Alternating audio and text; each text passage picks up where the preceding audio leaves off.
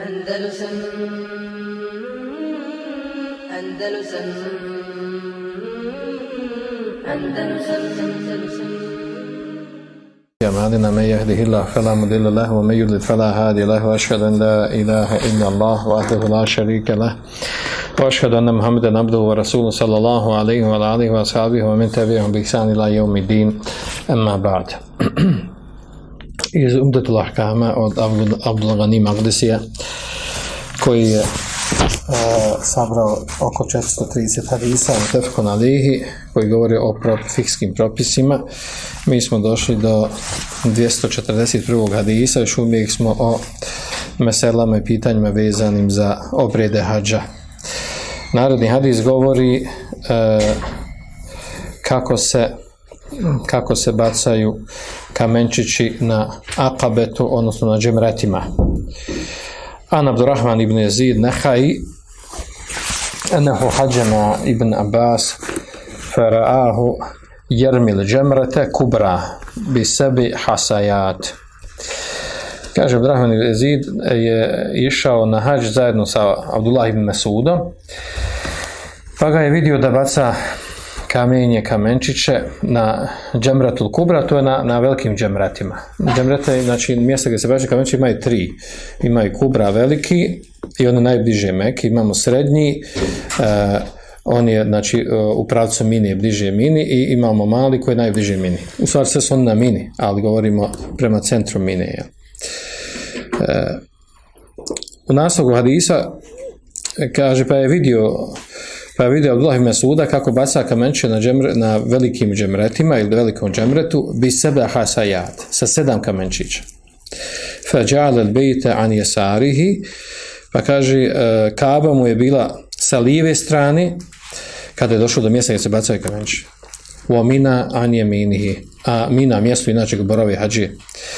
Nakon uh, uh, Muzdelife, Arafata i Muzdelife, uh, kaže Mina je bila sa njegove desne strane ثم قال هذا مقام الذي أنزل عليه أنزلت عليه سورة البقرة صلى الله عليه وسلم kaže ovo mjesto je kaže na kojem je e, objavljena sura Bekare poslaniku sallallahu alaihi wasallam to je tekst hadisa uglavnom hadis govori o tome o, znači o, bača, o bacanju kamenčića E, i to prvog dana Joma Nahar. Nahar znači klanje, pri, žrtvanje, kada se, kada se kolju kurbani.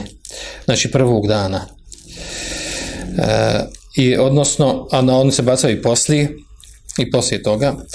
E, s tim da ovdje u ovom hadisu spomenuto, znači ovaj e, prvi prvi dio kad se bacaju kamenčiće, a u stvari ovdje je riječ o bacanju kamenčića, to je ono što se desilo Ibrahim, ali Isalam kada je išao sa svojim sinom, pa mu, pa mu je da izvrši narod Laže Šanu, pa mu se ispriječio šeitan i odgovarao ga od toga. Pa ga je on gađao tu na tom mjestu sa, tri, sa, sa sedam kamenčića. E, uglavnom, znači to je, može se reći neka simbolika o bacanje kamenčića simbolično znači u u strajnosti u strpljivosti u strajnosti izvršavanja rahu naredbe. E, i znači strpljivosti i ustrajnosti u izvršavanju onog što je došlo od Allaha dželešanohu e, pa je to postalo dobri dahađa.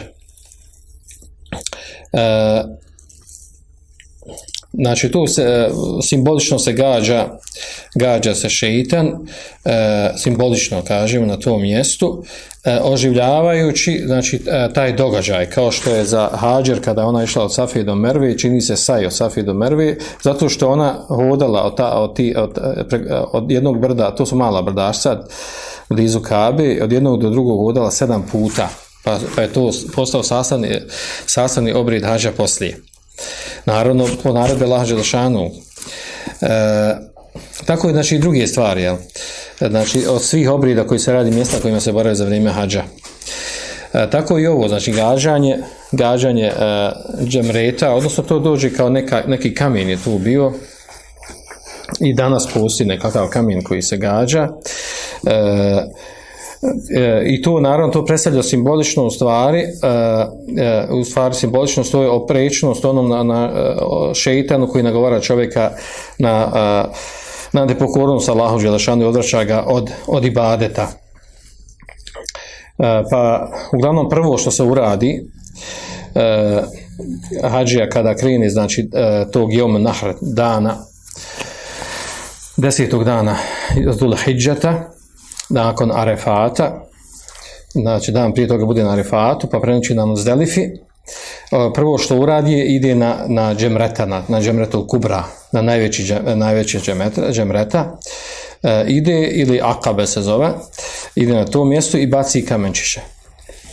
I to bude u stvari od prvih dijela koji se radi u tom danu koji se tretira po većini učenjaka najbolji dan u godini jer su, jer su njemu radi najviše i. Dobro, znači to je došlo ovdje spomenuti u hadisu.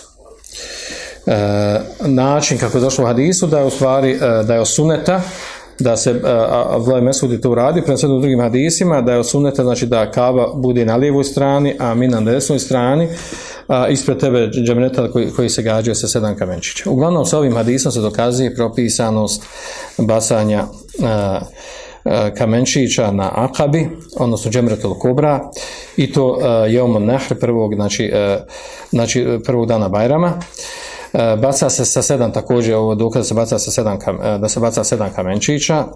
Jedan iza drugog ne bacaju se jedan put svi, e, svi kamenčići. Ako se baca sve jedan put to je neispravno broji se da je jednom bačeno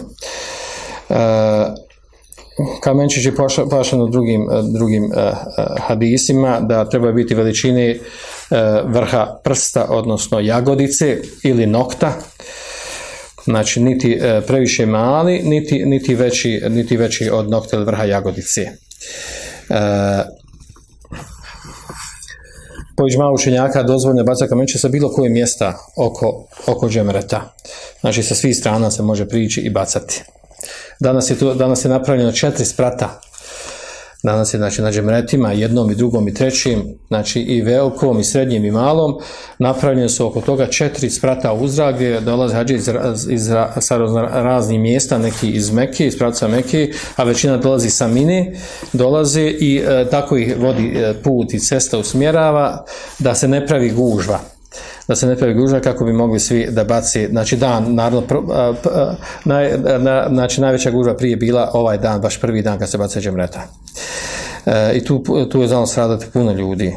Znači, bukvalno strada u, smi, u smislu da jedni drugi e, jedni drugi pritisnu toliko da, da, da osoba pukne, uguši se, tako dalje, na stotine ljudi, ljudi je znalo da strada zbog toga što dolazi iz, e, iz više pravaca dolaze oni koji hoće da baciti kamenče ili oni koji izlaze koji su bacili kamenče i tako dalje e, zbog te prevelike gužve jer ovdje je riječ znači, o velikoj masi ljudi od 3 do 4 miliona ljudi koji, koji trebaju e, u kratko vrijeme da prođu te obrede i normalno da je za očekivati da bude, da bude sa te strane e, problema, bez obzira koliko se tu uložilo u organizaciji.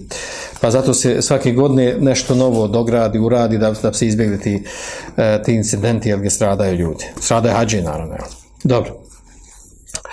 E, uglavnom, e, Abdullah Mesud obavješta u hadisu da je, da je sura Bekare na to mjesto objavljeno poslaniku sallallahu alejhi ve sellem, a u njoj je došlo uh, spomenuta ajeta, dosta ajeta koji govore o propisima hadža.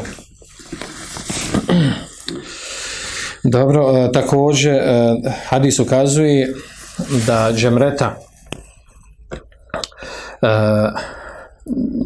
da džemreta koja se gađa sa, sa kamenčijom, da je to, da je to ibadet.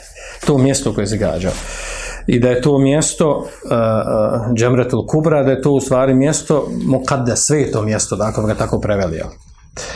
I nije ispravno, kaže ovdje Abdullah Besam, nije ispravno kao što mnogi ljudi uh, sebi ovaj, iz neznanja to dozvoli da kažu, oni nazivaju eh, da gađaju u stvari šeitana tu, da je, da je, da je taj kamen koji gađa, da je to personifikacija šeitan, da gađaju šeitan, tu u stvari veliki šeitan, onaj srednji je srednji šeitan, onaj mali mali šeitan i da gađaju šeitana. Nije ispravno, čak kažem da je to haram. Iz kog razloga? Zato što to kaže mešair muqaddasa, muhtereme. To što, zato što su to sveta mjesta. Obilježja Islama. Znači, to je simbolično gađanje. a ne bukvalno da se gađa tu šeitan. Mi smo govorili do sada ima ljudi koji sebe umisli svašta na tom mjestu pa kaže da gađa svo zlo svijeta da, i tako te gluposti na takav način to, to sebi doživljavaju u umisli sebi taj ibadet koji se radi. Ja.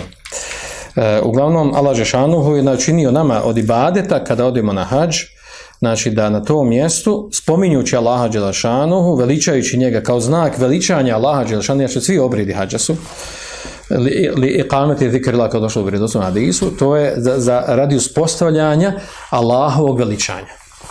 Sve se to radi zbog toga, ne zato što obožavamo ili, ili tavaf ovog ili onog kamena, obožavamo ta mjesta ili kamenje, nego radi Allaha Đelešanuhu koji naredio to radi, radi njegovog veličanja. A naravno, ovaj, ta stvar odvede još dalje od, od toga da neki ljudi, pošto imaju pogrešno mišljenje e, o tome šta predstavlja ta, e, to džemretul kubra, e, taj veliki džemret, ili akabe koji se gađa sa kamenčema, pošto imaju pogrešnu viziju o tobe i, i, i pogrešno to nauči, onda dovede do toga da u stvari da oni gađaju, misli da je bolje da gađa sa većim kamenjem, pa donesu velike kamenje koje jedva stane u šaku, ili neko ovaj, gađa, gađa sa, sa papučama, sa kišobranom i sa čime stigne, sa odjećom, skine odjeću, baci i tako dalje. I to ljut, rasrđen kao da bitku vodi i tako dalje. Zaista su dešava, to su praksi može vidjeti. Naravno, sve to, jel, sve to ovaj, e, suprotno od propisanog, e, i može odvesti, znači ako se na tom i tako se domaći da je, da je to novotarija, da je to haram, tako radi, do pretjerivanja jer opriče šarijetu. Jer to uopšte nije cilj, e, takvog ponašanja uopšte nije cilj tog ibadeta.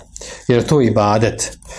E, za razumijeli mi njegovu uh, mudrost ne razumijemo, znači na taj način mi veličamo Allah Želešanu. A naravno pojašnjenje šta je smisao toga, jel? Zbog toga oživljavanja toga što se desilo Ibrahim ali sam sa njegovim sinom. Dobro, sljedeći hadis nakon ovog dođe uh, 242. Mi smo rekli otprilike ima uh, 630 hadisa, znači većinu hadisa smo do sad prešli. Uglavnom sad hadisi što dolazi nakon hađa doći uglavnom hadisi pojedinačno, znači određeni Andalusam Andalusam Andalusam Andalusam